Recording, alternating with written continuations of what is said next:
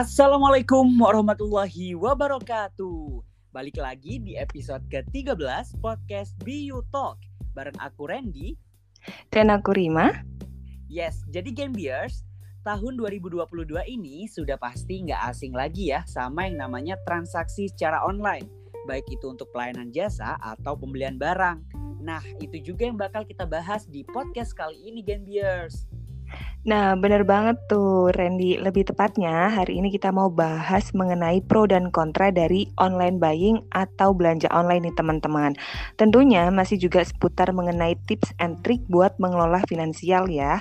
Nah, sekarang tuh pasti banyak nih masyarakat yang lemah iman. Misalnya nih, pas ngelihat iklan-iklan yang biasanya seliweran atau juga kadang-kadang kita kan suka tuh sering ketika buka aplikasi, sering hmm. muncul tuh ada iklan-iklan yang kadang itu mengundang kemauan kita buat berbelanja.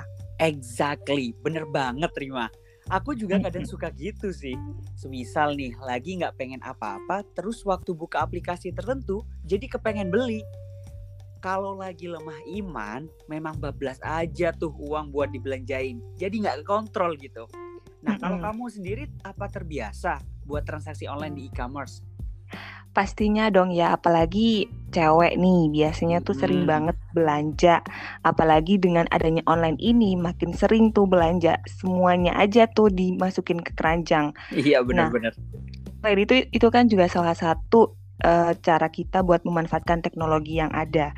Nah, apalagi uh, kayak aku nih ya, mm-hmm. kaum kaum perubahan kaum kaum perubahan yang itu sangat amat mempermudah kita gitu gitu. Bener, bener banget. Kayaknya emang sebagian besar orang sudah memanfaatkan keberadaan e-commerce ini untuk mempermudah urusan. Selain nggak perlu keluar rumah, kan juga hemat waktu dan tenaga ya. Kayak kita nggak mm -hmm. perlu capek-capek ngantri, panas-panasan, terus mm -hmm. waktu kita juga nggak terbuang sia-sia gitu loh. Ya, bener banget. Karena kan uh, selain itu juga kita itu lebih mudah diaksesnya juga nih kalau misalkan lewat e-commerce gitu. Hmm. Kita cuman cukup bermodalkan gadget aja, kita udah bisa melalang buana atau menjelajahi seluruh store yang ada di e-commerce. Kalau misalkan kita beli online uh, offline, biasanya kan kita harus uh, dari tempat satu ke tempat yang lain tuh. Kalau iya, misalkan nggak uh. cocok. Nah kalau di online ini kan kita bisa tuh dari store satu tinggal scroll aja. Kalau misalkan pengen beli ini tinggal cari atau uh, yang lain gitu kan. Jadi iya, lebih mudah gitu kalau misalkan kita beli secara online. Mm-mm. Selain itu juga transaksinya pun juga lebih cepat dan pastinya kadang-kadang kita bisa mendapatkan harga yang lebih murah tentunya. Bener banget. Belum lagi pilihannya yang semakin beragam. Mau beli yang model gimana, harga mm-hmm. berapa, dan yang eh, pengen kayak apa pun deh tinggal pilih gitu loh. Karena iya. jangkauannya juga udah nggak terbatas ya Rima ya. Jadi kalau iya. memang nggak cocok tinggal cari bahkan kita bisa belanja melalui store internasional melalui e-commerce ini gitu loh. Iya betul banget tuh. Kadang-kadang tuh ya karena banyaknya pilihan, mm-hmm. bikin aku jadi bimbang tuh mau beli yang di sini atau mau beli yang di situ karena kan barangnya uh, biasanya tuh bagus-bagus juga harganya iya. pun juga murah-murah jadinya malah tambah bingung ini mau beli yang di mana tapi ya akhirnya malah banyak ya dimasukin ke keranjang juga sih. Iya. Jadi berujung beli semua padahal belum tentu bi bisa terpakai juga gitu Betul kan ya. Betul banget. Nah tapi kalau ngomongin soal kontra dari online buying ini kira-kira apa aja sih Rim? Nah, kalau kita ngomongin mengenai pro dan kontra nih ya, tentunya kalau ada pro pasti ada kontra juga. Yes. Kalau kontra dari online buying ini itu bisa aja berakibat fatal ketika kita itu kurang membuat pertimbangan yang tepat tuh Ren. Oh gitu. Contohnya kayak gimana hmm. tuh? Contohnya tuh pas kita beli sebuah barang dengan estimasi pengiriman tertentu. Nah, hmm. kalau kita kurang memperhatikan dengan tepat, bisa aja tuh kita malah semakin menambah pengeluaran uh, akibat biaya kirim yang kadang-kadang tuh lebih mahal daripada harga barang yang kita beli kayak oh, gitu. Jadi ongkir lebih mahal daripada mm -mm. harga yang kita beli. Iya, benar banget. Intinya harus pintar-pintar milih merchant tanpa uh, tempat kita bertransaksi ya.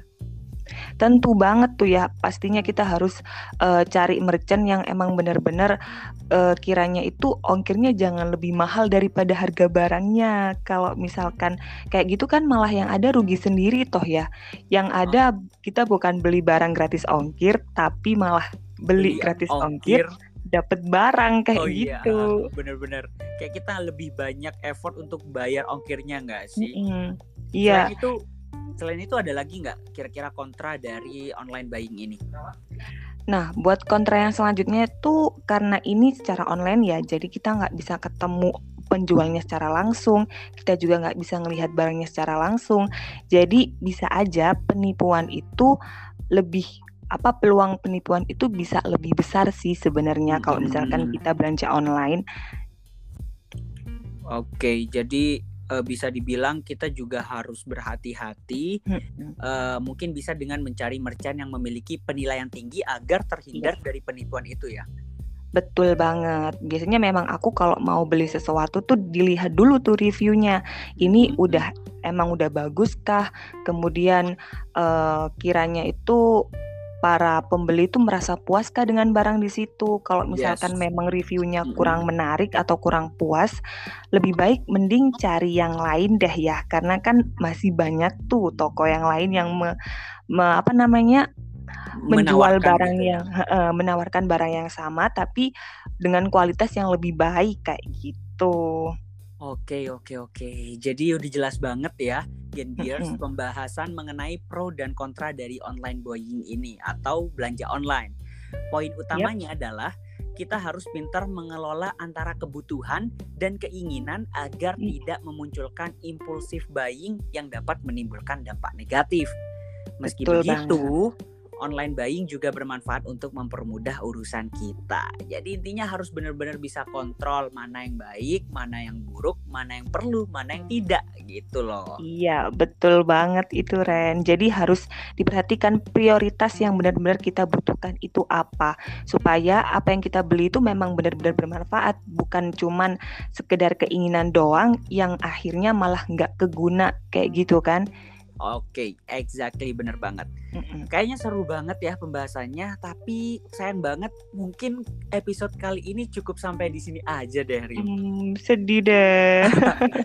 tapi nggak apa-apa. Semoga apa yang kita bahas bisa bermanfaat ya buat para Gen yang mendengarkan. Dan terima kasih juga udah udah dengerin podcast Biotalk di episode ke-13. Sampai jumpa di episode selanjutnya dan wassalamualaikum warahmatullahi, wabarakatuh. wabarakatuh. Dadah. Bye bye.